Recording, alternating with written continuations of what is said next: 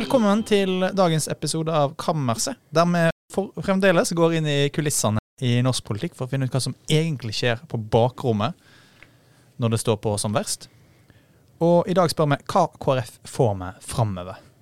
Og vi har med oss den rykende ferske nestlederen i eh, KrF, Ida Lindtveit Røse. Eh, men før vi går inn på kammerset, så skal vi ta en liten tur innom forværelset for å se hva som har gjort inntrykk på oss den siste uka. Jeg har med meg Berit Aalborg, politisk redaktør, og Lars Inge Staveland. Og velkommen til deg, Ida. Tusen takk for det. Eh, Berit, hva er det som har gjort inntrykk på deg?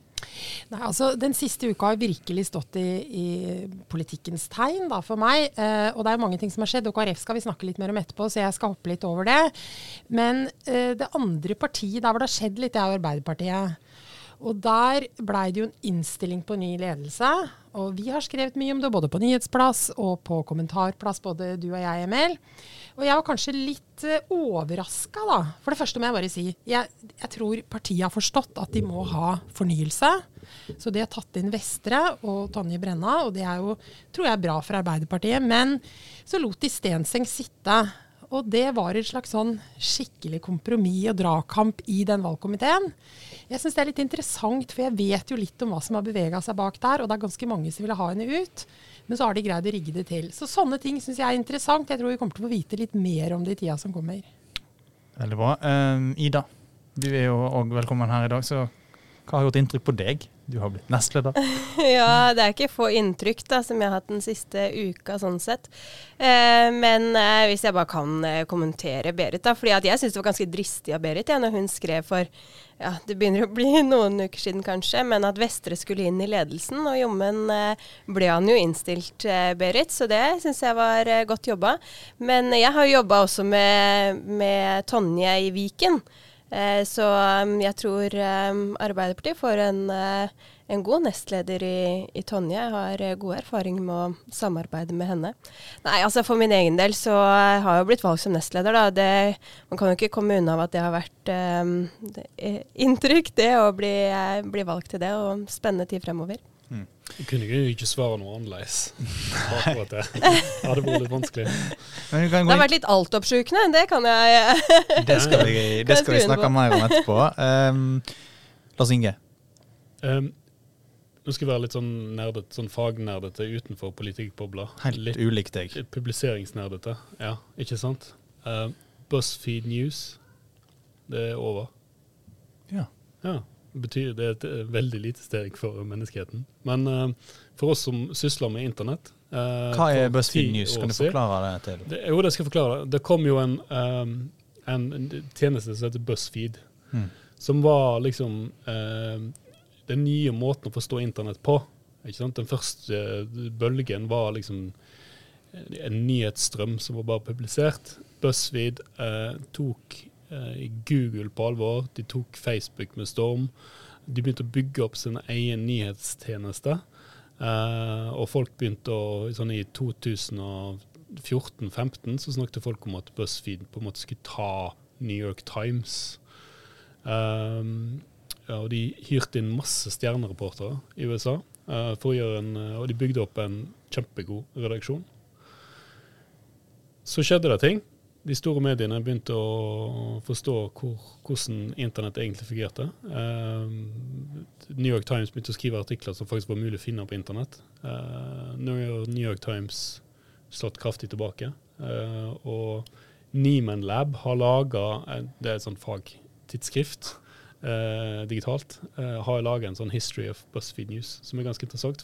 Egentlig så handler det om det er et kapittel i liksom, den digitale publiseringshistorien som er litt sånn over. Slik mm. lager du nyheter. Det viser jo et par ting, at uh, digital digitalisering blir vi ikke ferdig med.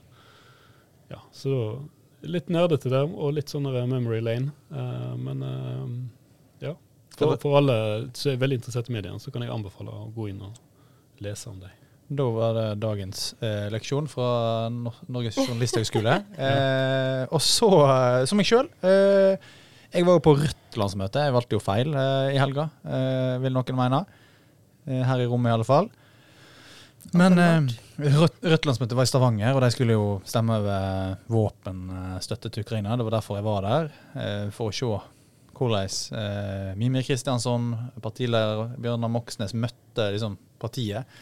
Det slo meg jo at Rødt er jo et ganske tidlig, da, i løpet av fem-seks minutter inn i liksom, å være på det hotellet, så så jeg at dette er en ganske annen forsamling enn enn du finner i samtlige andre norske parti. Og, og du, du ser litt på hårsveiser, klesstil. Um, det var ingen enhetlig klesstil på dette. Det var noen som gikk i Én kar som gikk rundt i dress.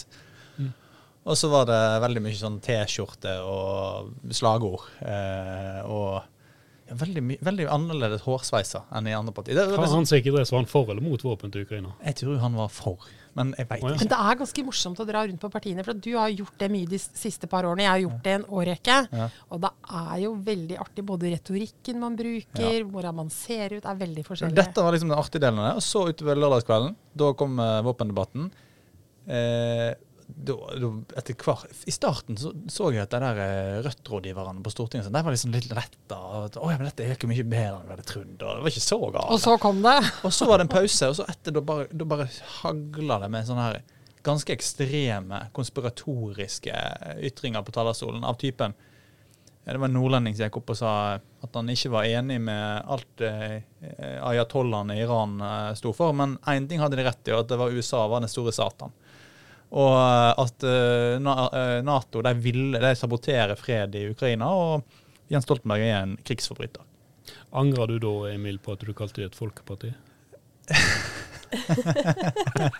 La meg, bare- la meg bare si det sånn at jeg, jeg, jeg syns det var litt bra at Emil kunne dra og se dette live. Vi har jo sett Rødts landsmøte live Ja, jeg, tror jeg, jeg, jeg kjente iallfall at et par av ledere, et par av ledere og, og uh, kommentarer jeg har skrevet som kanskje par hakk for positive til Rødt. Um, de, de, de har en lang vei å gå før de er et parti som alle andre. Det er fortsatt ikke stuereint. Og Bjørnar Moxnes bør rydde opp i en del av den retorikken. Han har nok forsøkt det gjennom en lang årrekke. Ja, Altså. nå i helga gikk han ut og forsvarte da Siavash Mobasheri, Oslos gruppeleder for Rødt, som, eh, eh, som kalte Jens Stoltenberg en krigsforbryter.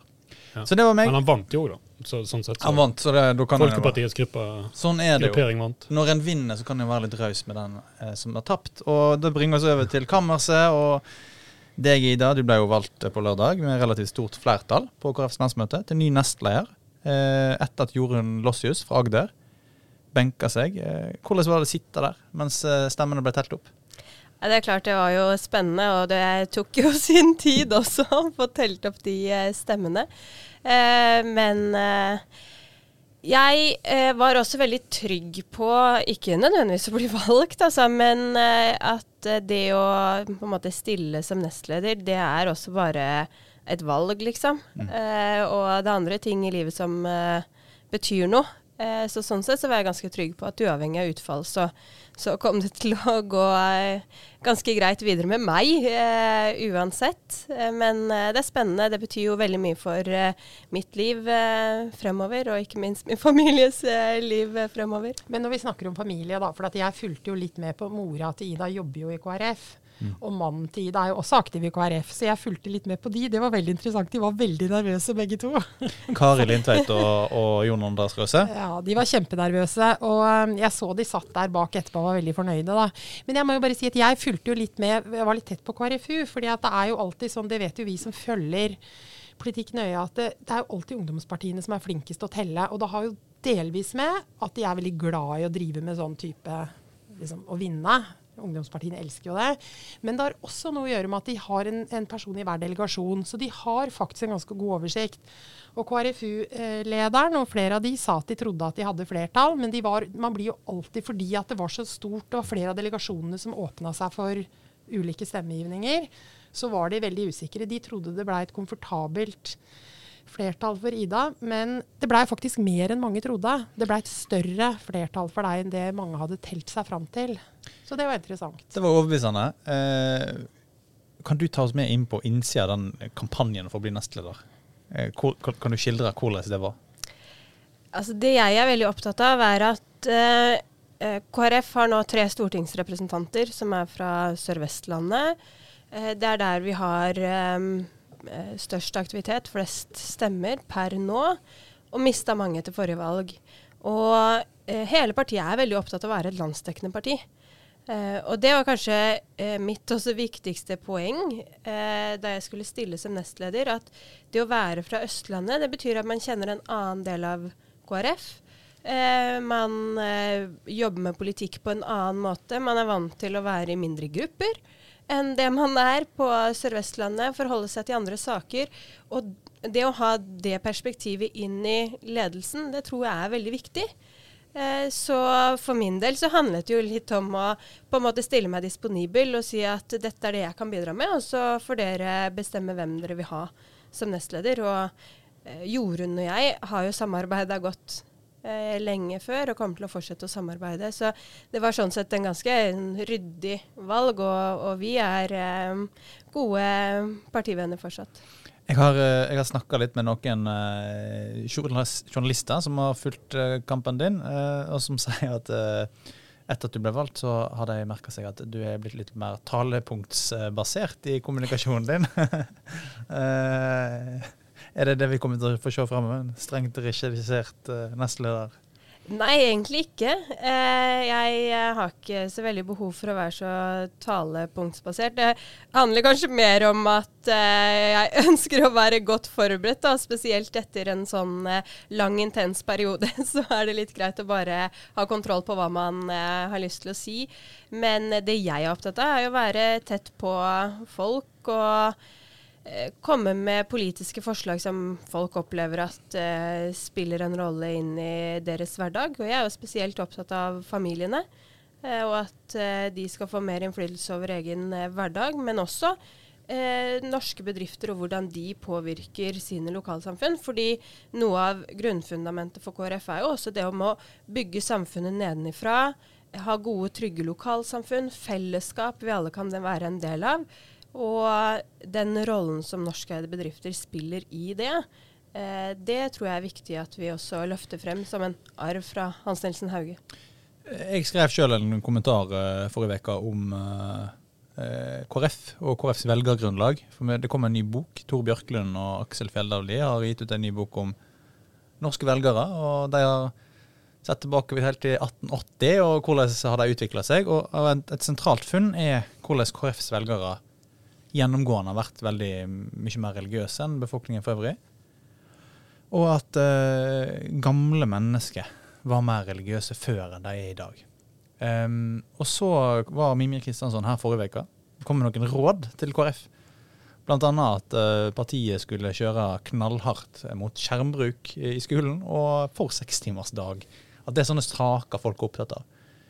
Så når, når du nå ser på disse ulike eh, ja, rådene, meningene, faktaene rundt omkring, hva, eh, hva tar du med deg? Hva, hva parti er det vi får se framover? Jeg er opptatt av at KrF skal eh, være og bli oppfatta som et raust parti, men også et gjenkjennelig eh, parti. At man skal vite hvor man har eh, KrF-en. Eh, men også at flere skal oppleve at eh, KrF snakker til dem, forstår dem i deres hverdag, og ikke på en måte er et, på en helt annen planet, liksom. Eh, og at det gjelder eh, alle, ikke bare de som er en del av ulike eh, kirkesamfunn, men også eh, den vanlige mannen i gata. At man forstår de utfordringene som eh, man er opptatt av. fordi det er jo det som spiller inn når du skal eh, faktisk bruke stemmeseddelen din.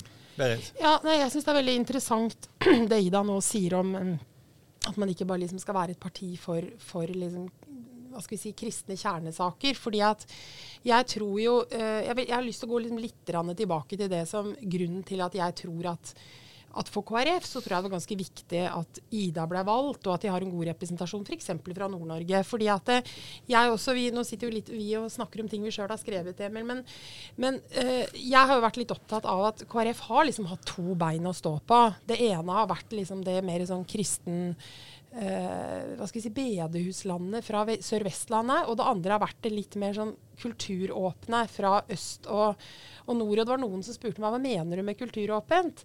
Og i gamle dager betydde det f.eks. å være åpen for at man kunne gå på kino. Sånne ting.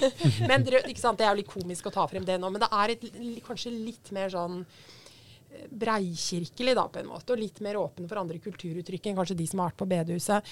Men jeg tror jo det at hvis eh, KrF skal greie å være et parti over hele landet, så må man faktisk også ha med folk fra Oslo og fra Nord-Norge, og ikke bare fra sør og vest. For de har sine egne kulturuttrykk og sin egen form for kristen tro som jeg tror er liksom særpreger. Nå har, jo, nå har, vi jo, to stykker fra Vestlandet her, men jeg tror mm. dere kjenner det litt igjen. Altså, det er en annen form for kristendom. Eh, i Oslo. Så jeg tror at det er ganske interessant hvis man greier å få til det. Og så blir det jo spennende å se da, uh, hvordan man En av de tingene som jeg tror kjennetegner litt av den mer sånn østnorske hva skal si, kristendemokratiske tenkninga, er jo nettopp det at man, ønsker, man er mer opptatt av en brei økonomisk politikk. Man er mer opptatt av utenrikspolitikk. Altså man har en bredere Det er ikke bare liksom Det er ikke bare abort og og kristen oppseding og rus. Jeg sier ikke at det bare er det på Vestlandet, men, men det er de kjernesakene som har prega den kulturkretsen. da. Så jeg tror nok at KrF blir et breiere parti ved å gjøre det. Men hva tenker du sjøl, liksom? Opplever du at du f.eks. må være opptatt av økonomisk politikk eller utenrikspolitikk? Bidrar liksom til å bredde ut partiet med de sakene? Altså jeg opplever jo at veldig mange også på Sør-Vestlandet er opptatt av disse temaene som uh, du løfter her. Men det er klart at jeg meldte meg inn i KrF primært pga. Uh, utviklingspolitikken i sin tid. Uh, og så når man er med i politikken lenge, så får man jo flere kjernesaker på en måte å bygge engasjementet sitt på. Men det tenker jeg er et viktig fundament som har vært for KrF, og som vi også kommer til å fortsette å holde på fremover. Um, så har vi jo en veldig folkelig partileder. En, eh, et veldig godt forbilde sånn sett. Altså hun er Duracell-kanin. Vi kan jo avsløre det, da, eh, Emil, at jeg har jo jeg har jo eh, god erfaring med det å være nestleder. For forrige gang jeg var det, så var jeg nestleder for Emil. Så, så jeg er vant Oi. til å være nestleder for sånne Duracell-kaniner. Men, men, du når på en måte ikke Olaug til knærne engang. Altså når det gjelder eh, det å både reise rundt, eh, besøke folk, være sammen med folk. Eh, og det tror jeg er utrolig viktig. fordi det er jo også sånn man eh, får innspill som kan brukes eh, politisk, og skjønner hva som folk er opptatt av. Jeg tror det er veldig bra for folk flest at de ikke får se meg i fri dressur i sosiale medier. Jeg tenker det er helt greit at, jeg tenker det er helt greit at Ola Bollestad har flere følgere på Instagram enn Emil. Ja, det tenker jeg også. Det, det hender at jeg sitter på han når han har lyst til å legge ting. Altså. Ja, ja. Men, uh, men, men eh, jeg kan jo bare si det. Eh, det er jo en elefant i rommet. Det sitter jo tre tidligere KrFU-ledere rundt dette bordet her nå. Du kjenner det kanskje litt utafor, eh, Lars Inge? Ja, han er jo slekt med Knut Arild Hareide, så vi får si at det er nesten ja, ja, ja. Knut Arild er tremenningen min. Eh, og så bare slå tilbake litt mot beskrivelsene om, fra, om Vestlandet fra, fra Berit. Det har skjedd ting der òg. Nå er vi opptatt av uh, tunneler og kraft. Og, og Dere går på kino også på Vestlandet nå? det er sånn jeg opplever det også. Man er veldig opptatt av vei og veldig opptatt av kraft. Men, men eh, en ting som overrasker meg litt, og jeg lurer på om jeg skal formulere det i et sånt eh, spørsmål til, til deg. På en skala fra én til ti, hvor viktig er det for deg at vi får utreda kjernekraft i Norge? For dette var et spørsmål ikke, Ja, altså um, Det er jo vi er opptatt av å nå nye kjernevelgere, ikke sant? Med kjernekraft. Kjernekraftvelgerne. kjernevelgere kjernekraft. Nei, eh, det er jo Altså det var ikke en kjempeavgjørende sak for meg om vi på en måte gikk så langt som vi gjorde, eller mer på utredningsstadiet. Men det som er eh, vel kjent, er jo at vi kommer til å ha et stort kraftunderskudd om eh, kort tid, og at vi må gjøre noe for å sikre at ny industri kan etableres. Så da er jo eh, det å åpne for kjernekraft, som er det vi har gjort, altså åpne for at private eh, initiativ kan eh, etablere seg, det tenker jeg er viktig, men også at vi gjør andre ting for å sikre kraft. Altså havvind og andre prosjekter. Fordi kjernekraft er jo ganske langt frem i tid. Men mm. det var en stor debatt på landsmøtet vårt, og mange på talerstolen, ikke minst eh, fra KrFU. Så dette har vært en viktig sak for ungdomspartiet. Og Det blir jo en veldig gøy debatt når en skal begynne å diskutere hvor eh, atomavfallet skal være, og hvem som skal få vetorett for ja. plassering av atomavfall. Jeg tenkte å spørre liksom, hvor, kjerne, hvor, i, hvor, i, grunnfjellet skal kjernekraften lagres? Men eh, nei da. Det var det første spørsmålet folk kom også. Ja, åpner du for kjernekraft i Akershus? Eh, ja. Ja, ja. så, men det er nok en stund til vi skal begynne å diskutere det, da. Så får vi se. Jeg tror jo, Berit og jeg har jo diskutert dette litt tidligere i dag. Fordi jeg opplever at det er en sånn her Det er en sånn eh, opplest og vedtatt holdning. For meg høres det nesten ut som en konspirasjon. Eh, ja, men når, når folk som er eldre, eller på Berit sin alder, da, eldre enn meg, over 35, eh, når de sier Når de argumenterer mot kjernekraft, så er det som om det er en del sånne ting som bare er helt selvsagt. Selvfølgelig skal vi ikke det. Mens for oss som er litt yngre, så er den diskusjonen litt interessant. For vi har ikke vært gjennom den så mange ganger på den grundige måten. Og så satt jeg og Berit og diskuterte det i dag, og, og Berit sa at Jeg vet ikke om du vil gjenta det du sa? Nei, jeg tror ikke jeg skal gjenta det, men det, men jeg sammenligna det med litt sånn andre alvorlige historiske hendelser. da. Eh, fordi at For min generasjon så er det klart at vi har jo opplevd liksom Tsjernobyl, og vi har, eh, vi har hatt den frykt, altså vi har hatt frykten for eh, Jeg er sjøl oppvokst i Finnmark. Vi har hatt frykten for lekkasjer. Eh, sånn at jeg tror det er en veldig sånn grunnleggende redsel for at man ikke skal greie å lagre dette godt nok. Og så er det også det som, har, det som jeg på en måte tenker på, er at når man lagrer det, så er liksom halveringstida og reduksjonstida for eh, avfallet så, så, så Det tar så lang tid. Sånn at vi tar på en måte valg for mange generasjoner etter oss. Og de, disse tingene er veldig alvorlige for meg, da. Men jeg må bare si jeg diskuterer dette mye hjemme, for jeg har jo ungdommer som alle sammen er fra tenårene og opp. Så det er flere av de som er veldig positive til kjernekraftverk. Så jeg, jeg får kjørt meg godt hjemme, altså. Men hvis vi legger bort eh, ja eller nei til kjernekraftverk, så tror jeg uansett det er en ganske smart manøver av KrF å gå inn for kjernekraft, eh, sånn som de har gjort, i og med at så mange av de norske politiske partiene ellers ikke ønsker å ta i det spørsmålet eh, med radioaktivt beskytta hansker. Eh, Det er jo flere som vil utrede kjernekraft nå, da. ja, det, hvem er det nå som har eh, Venstre, Høyre, eh, og så skjer det ting i Arbeiderpartiet. Jeg vet ikke hvor, jeg vet ikke hvor de står hen der. Ja, det, det, Men, det eh, også blir nok en liten et- runde på Det er jo et veldig uforpliktende vedtak, da kan du si. Så Ja. det er jo mer sånn Vi vedtar å være nysgjerrige på noe vi ikke helt vet hva er for noe, og så kan gi oss i framtida en løsning på et problem vi har i dag, men vet ikke hvordan løsningen ser ut. Så sånn sett så er det jo på en måte Men vi må trygt. Det er veldig bra. Vi må videre, for vi har flere ting vi lurer på med deg, eh, Ida. Og eh, eh, nå fikk Ida sånn flashback til AU-møtene i, eh, i eh, KrFU når vi var sammen der. For da var det sånn at hvis jeg tapte en diskusjon, så bare gikk jeg videre eh, på Det skjedde ganske ofte, det. altså. Ja. Eh, opplest og vedtatt at Ida vant flest diskusjoner. Det er derfor hun er der hun er i dag. Og at jeg sitter her i et podkaststudio.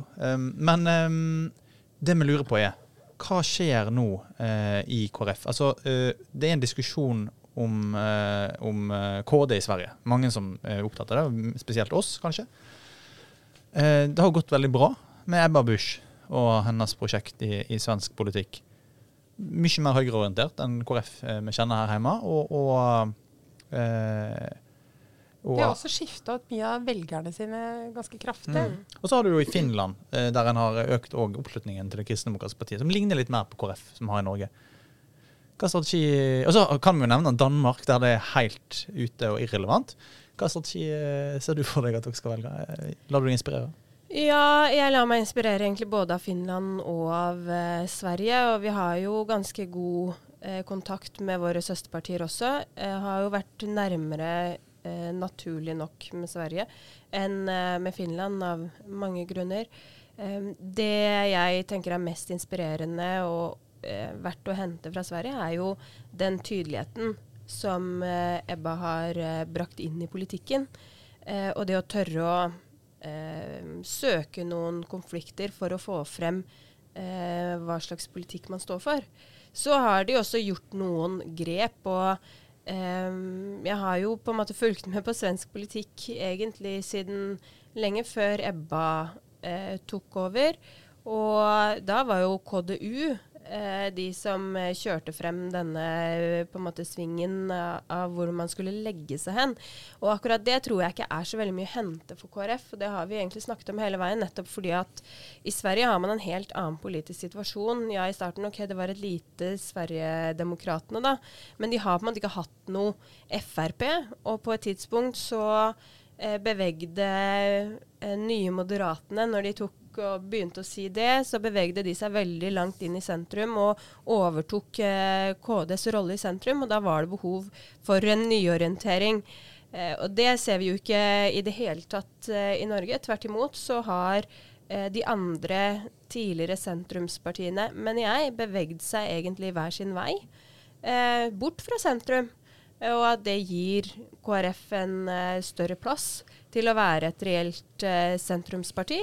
Eh, og eh, en del av de mm, politiske snuoperasjonene som også KD har hatt når det gjelder innvandringspolitikken, eh, ser jo ikke jeg for meg at det kommer til å skje i Norge. Nettopp fordi at det internasjonale engasjementet, det menneskerettslige engasjementet, er veldig sterkt og står veldig sterkt i KrF. Så det tror jeg vil være et uh, grunnfundament for oss videre også.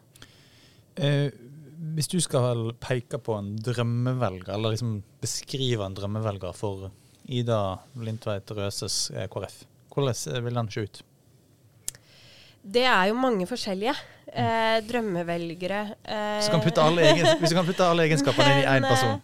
eh, Men eh, gjerne enten en som eh, er eh, småbarnsforelder selv, eller en besteforelder, kanskje.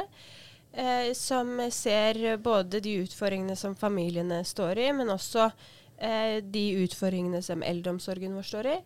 Eh, og så er det jo eh, en del eh, eh, både kvinner og menn som er veldig opptatt av å gjøre en jobb for lokalsamfunnet sitt. Hvordan frivilligheten skal bidra til både når det gjelder idrettslag, menighetsliv osv. Og, og jeg tror nok at kjernevelgeren til KrF det er eh, den engasjerte mammaen eller pappaen som eh, både er med litt i idrettslaget og er med eh, i andre frivillige organisasjoner og oppgaver, som kanskje gjør at det er vanskeligere for dem å ta på seg oppgaver i KrF. Men jeg håper jo å bidra i hvert fall til at det blir attraktivt også at man er med å påvirke politikken. Nå var ikke jeg på KrF-landsmøtet så jeg vet ikke hvordan det foregikk. Men eh, jeg fikk jo en del e-poster fra presseansvarlige hos dere med ulike resolusjoner som ble vedtatt. Samtidig som jeg satt eh, på eh, Rødts landsmøte og, og så diskusjonene om resolusjonene der. Og En viktig forskjell, som jeg òg husker fra min egen tid i, KrF, du òg sikkert, Berit, er jo at, eh, en sånn, eh, at KrF er et parti som skal være opptatt av veldig mange ting. og og i, Rødt så var det ganske interessant å høre hvordan ledelsen og mange tillitsvalgte gikk opp på talerstolen og argumenterte mot veldig gode saker og gode resolusjoner, fordi det vatna ut budskapsdisiplinen. Det skulle være kampen mot Forskjells-Norge, det skulle være det Rødt var opptatt av. Og ikke, altså, det var eh, iherdige delegater som sto og argumenterte for at internasjonal solidaritet burde vært eh, liksom en av eh, tingene de satsa på. Ble hardt slått ned av Mimir Kristiansson og andre, som, eh, som eh, kjølig sa at eh, liksom, vi skal inn i en kommunevalgkamp. Eh, eh, internasjonal solidaritet er ikke det velgerne kommer til å stemme på i denne valgkampen. Hva tenker du om den, det aspektet med KrF? Altså, Kommer vi til å få se et tydeligere KrF med deg? Ja, jeg er opptatt av at vi skal være tydelige. Og så eh, er jo organisasjonskulturen vår sånn at eh, du kan jo på en måte foreslå noe, og så kan du legge på to eller tre på det antallet, og så vet du hva man ender opp til. Så På landsmøtet så fremmer man jo forslag på om 15 resolusjoner, og det ble vel 17 eller sånt nå. Fremmer man forslag om eh, to valgkampsaker, så blir det fem. Så eh, det er selvsagt en, en utfordring, men jeg er opptatt av at vi skal være tydelige og ha et tydelig budskap.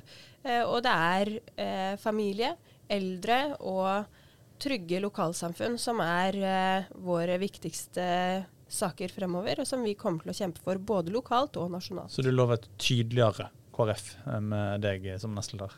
Ja, eh, det gjør jeg. Jeg er opptatt av å være tydelig, og prøver i hvert fall eh, å svare så forståelig som eh, mulig. Og så lurer jo mange på om eh, dette med Altså, nå er jo du eh, Nå blir du omtalt som nestleder, Ida Lindtveit Røse. Hvor lenge er det til vi omtaler liksom partileder, Ida Lindtveit Røse? Jeg håper at eh, Olaug fortsetter i mange år, og er blitt eh, valgt som eh, nestleder nettopp. Og er opptatt av å gjøre den jobben så god som mulig der jeg er til enhver tid. Politisk kommentator Berit Aalborg, syns du dette høres ut som talepunkt? Nei, altså, vi, vi, det er ingen ingen Du ba om det. Det er ingen, du, ikke sant, du ba om det for at hun vil jo aldri si det. Men det er klart at både hun og vi vet at det er en ganske stor mulighet for at hun blir leder i KrF. Ja. Så, men det er jo spennende å se hvor lenge det, det blir til. Og det er jo veldig mye som tyder på det, da, for å si det sånn. Eh, men eh, det virker jo som Olaug har lyst til å sitte en periode til, og det virker som hun har noe ugjort. Og så syns jeg jo det er, en, det er sånn interessant den grupperinga som nå sitter i toppen, for de har litt forskjellige profiler. Så de kan nok på en måte appellere til litt ulike grupper. I KrF. Men, eh, men det er spennende. Jeg tror kanskje kanskje to-tre år, jeg vet ikke.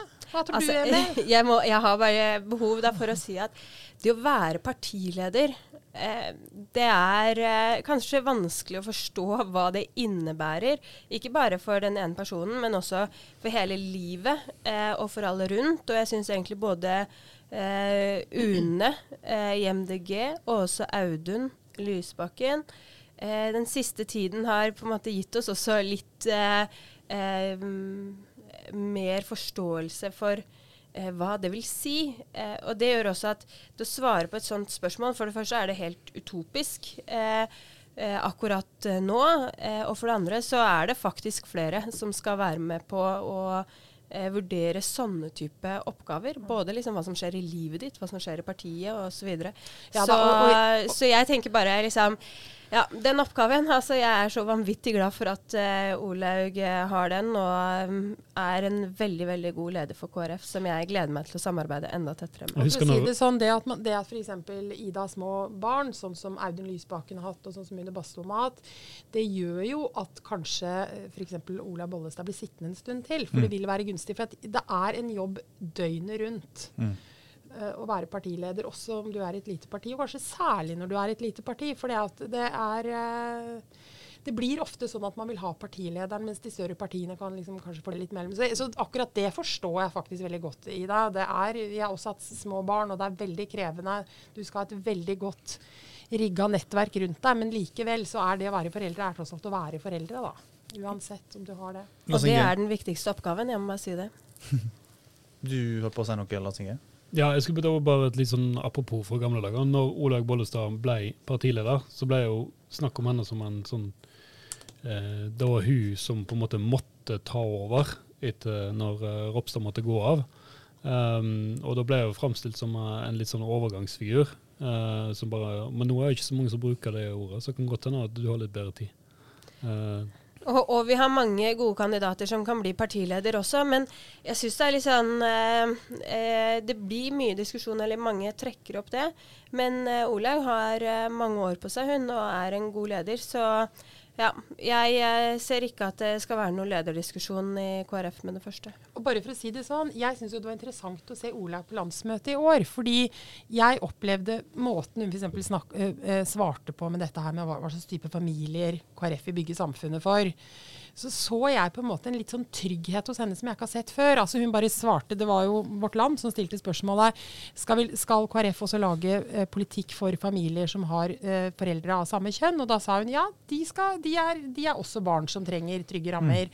Så hun, hun er det er mye mer sånn selvfølgelighet, og det tar tid å bygge opp. Å få den autoriteten og selvfølgeligheten. Så det borger kanskje for at hun blir sittende litt. Og kanskje Olaug Bollestad kan rydde vei for den neste partilederen, som kanskje da en dag blir eh, vår gjest her i dag. Eh, Lars Inge?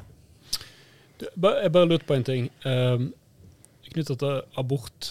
Um, fordi nå er det jo sånn at det er en debatt eh, om tolv ukers abort, sånn som vi har hatt lenge. eh, ikke sant? Uh, og det er en debatt i KrF, Uh, men det er òg en debatt i andre partier. Um, og så, etter den striden i, i, i KrF, så har det på en måte kommet på agendaen igjen. Men så lurer på, Som politiker så ønsker en jo å på en måte endre samfunnet i så stor grad i sin retning som mulig, samtidig som en ønsker å, å, å, på en måte få blest om sine standpunkter. da, Få de fram i søkelyset. Det er jo viktig for små partier. Når det gjelder abortspørsmålet, så kan det jo på en måte, det er ingen som tror at det kan bevege seg i mer konservativ retning. Um, så på det punktet så skulle en jo tro at dere hadde alle interesse av at det ikke var eh, ikke, altså Hvis du skal lage et, eh, et minst mulig skadelig, deres syn, eh, abortpolitikk, så bør en bare sitte helt stille i båten på det feltet. Eh, samtidig så får vi ikke profilert deres syn på abort. Så jeg bare lurer på, Tror du det punktet kommer til å bli viktigere for KrF framover, eller mindre viktig? Bare et lite sånn abortspørsmål. her Det var bare et på lite på tampen, eh. Hva er ja-nei-spørsmålet på slutten? Ja-nei-spørsmål. Altfor langt. Eh, nei, men det er klart at eh, menneskets ukrenkelighet er eh, et av eh, KrF sine grunnprinsipper, og det kommer alltid til å være viktig for eh, KrF. Og så er det jo nedsatt et uh, utvalg nå da, som faktisk skal se på utvidelse av uh, rett til selvbestemt abort. Så jeg tror ikke vi vi er ferdig med å diskutere abortlov i Norge. Og det er også en rekke en måte, etiske utfordringer som kommer til å komme med teknologiutvikling også. Um, og der skal man møte et uh, klart og tydelig KrF. Og det um, er jeg også veldig opptatt av, at uh, det blir viktig fremover. Så jeg tror ikke vi er ferdig med å diskutere det. Men det jeg er opptatt av, er at mm, de siste årene eh, så har den debatten vært veldig uforsonlig. Mm. Og veldig preget av at man er i skyttergravene. Og det tror jeg egentlig ingen har lyst til at skal være. Uh, og jeg tror de aller fleste ser at dette er etiske problemstillinger som er viktig å kunne ha en ordentlig debatt om. Og så skal ikke jeg fordele skyld om hvordan det har vært, men jeg er veldig opptatt av at når vi skal ta disse debattene som kommer til å komme fremover, så skal vi bidra til at det skal være gode debatter. Eh, og at vi har mye å lære av eh, hvordan den debatten var på slutten av 90-tallet, som eh, både Kristin Halvorsen og Kristin Aase og Kristin Clemet er veldig gode til å minne oss på, at det er ikke sånn at den debatten alltid har vært uforsonlig. Og vi må komme tilbake der vi kan eh, diskutere ulike momenter uten å eh, ja, bruke veldig eh, eh, vanskelige enten liksom ord og uttrykk som påvirker folk, eller eh, ja. Eh, Men, mener du at, at en KrF kan gå med på å samle et, et flertall for dagens abortlov da, på Stortinget? Er, er det det du sier? Det er det ja, vi er, er jo veldig tydelige på at vi ikke ønsker en utvidelse av abortloven. og at det kommer til å være en av de viktigste diskusjonene vi har om abortloven nå fremover. Mm. Og at der må vi jobbe for å eh, samle et flertall, sånn at vi ikke får en, en utvidelse en utvidelse vil jo også gi oss en rekke nye etiske problemstillinger å forholde oss til. Mm, så jeg kan leve med dagens, da. Men uh, vi må videre. Dette var veldig interessant. Uh, vi har uh, to faste spalter som jeg tror vi bare skal slå sammen her på slutten. For at redaktørene skal få rekke ledermøtet etterpå. Og, og du vi skal få rekke å springe rundt som nestleder i partiet. Uh, ukas, uh, ukas skriftestol er den første. Hva er det du angrer på mest den siste uka, Ida? Altså, Vi sitter jo her den dagen eh, hvor det er eh, snø og slaps og eh, forferdelig vær. Og vi bytta til sommerdekk forrige uke. Så det er eh, det jeg i dag morges har angret uh, absolutt aller mest på. Det ble en kaotisk uh, morgenlevering i barnehage. Ja, pakka vekk vinterklærne til barna. Det var heller ikke noe sjakktrekk, kan jeg love dere. Eh, yes, Noen dere som har noe dere angrer på siste uka, Berit og Lars Inge? Jeg har sikkert mye jeg angrer på, men akkurat nå så kommer jeg ikke på noen ting. Men det, det tror jeg bare skyldes at jeg egentlig bare har jobba veldig mye. Ja, sånn er det å være sjef. Da angrer en ikke på noe. angrer ikke på noe. Det er sikkert mye rart. Jeg, jeg henter inspirasjon fra det. Lars Inge? Nei, det blir for kjedelig. Altså. Jeg kan godt si at jeg angrer på at jeg ikke gikk tidligere i gang med turnusplanlegging uh, for sommeren. Men uh, det, det, blir Det er på det nivået. Men du kan, få, du kan få toppa det med en profeti. Ja, Ukas profeti. ja så kjekt. Ja, for å være ukas profet. Eh, ja. Nei, nå ble jeg nesten litt sånn andektig. Jo, eh, kommunevalg eh, kommer jo. Eh, og det er jo det vi tenker mye på. Eh, og da er det jo eh, artig å tenke på, iallfall vi journalister, er jo tenke på liksom, hva er det som kommer til å overraske oss i år. Og så husker jeg tilbake til for fire år siden. for fire år siden, da jobba jeg i, i Aftenposten, var veldig opptatt av selvsagt storbyen og Oslo spesielt. Og da var det jo bompengepartiet. Um, så min spådom er rett og slett at uh, i år har vi sett Industri- og Næringspartiet på en måte, Det er Næringspartiet, det er ikke næringsliv. Industri- og Næringspartiet. ja, um, Seile opp. Min spådom er at uh, de ikke kommer til å ha den samme funksjonen som uh, bompengepartiet. Det kommer ikke til å være det samme sjokket. Så det er en slags sånn ikke ikke-spådom, eller ting som ikke kommer til å skje, men som ja. Ja, Men godkjenn den under tvil, tenker jeg. Eh. Ja, men det er, jo en, det er jo en spådom at de kommer til De kommer ikke til å få den der voldsomme oppturen som uh, bompengepartiet kommer til å ha. Ja, men, men kanskje kommer de til å være lenger, da. Vi får lage en ny spalte med ikke-spådommer framover, kanskje. Så det er plass til Ja. Spådommer er ting som ikke kommer til å skje, men som alle andre, altså enkelte andre snakker om, Ja. kanskje kommer til å skje. Kanskje vi, Dette er jo en, et vedtektsspørsmål kanskje for, eh, for denne spalta, ja. om vi skal ha med den type. Men eh, det, det, vi, vi godkjenner det under tvil. Så, så ser vi. Klarer du å høyne dette, Ida? Altså, jeg hadde jo med meg en eh, profeti om at det blir jevnt i valget i 2025, og så skjønner jeg at eh, det har dere snakka mye om. Så jeg vil komme med en eh, annen, egentlig, og det er at jeg tror vi vil se for det første et eh, MDG i lokalvalget som gjør det bedre enn det de ligger an på målingene akkurat eh, nå. Og så tror jeg at vi kommer til å se eh, flere kommuner der eh, MDG blir et ikke-sosialistisk parti etter valget. At man altså vil finne konstellasjoner som Venstre, KrF, eh, Høyre, MDG i er flere kommuner. Betyr det at du eh, som nestleder kommer til å se mot MDG for samarbeid framover? For partiet ditt? Det første jeg skal gjennom, er jo et eh, valg i, i Akershus. og eh, der ønsker vi i hvert fall et eh, bredt samarbeid. Og jeg kunne gjerne tenke meg å samarbeide med MDG i Akershus, i hvert fall. Det er Spennende. Ja, Det kunne vi hatt en hel podkast om. Ja, det kan vi. Men vi får, vi får invitere deg igjen eh, senere. Ida. Tusen hjertelig takk for at du kom. Eh, Vi er tilbake med en ny episode neste uke. Dere som lytter kan sende oss innspill, ris, ros eller tips på kammerset alfakrøllvl.no.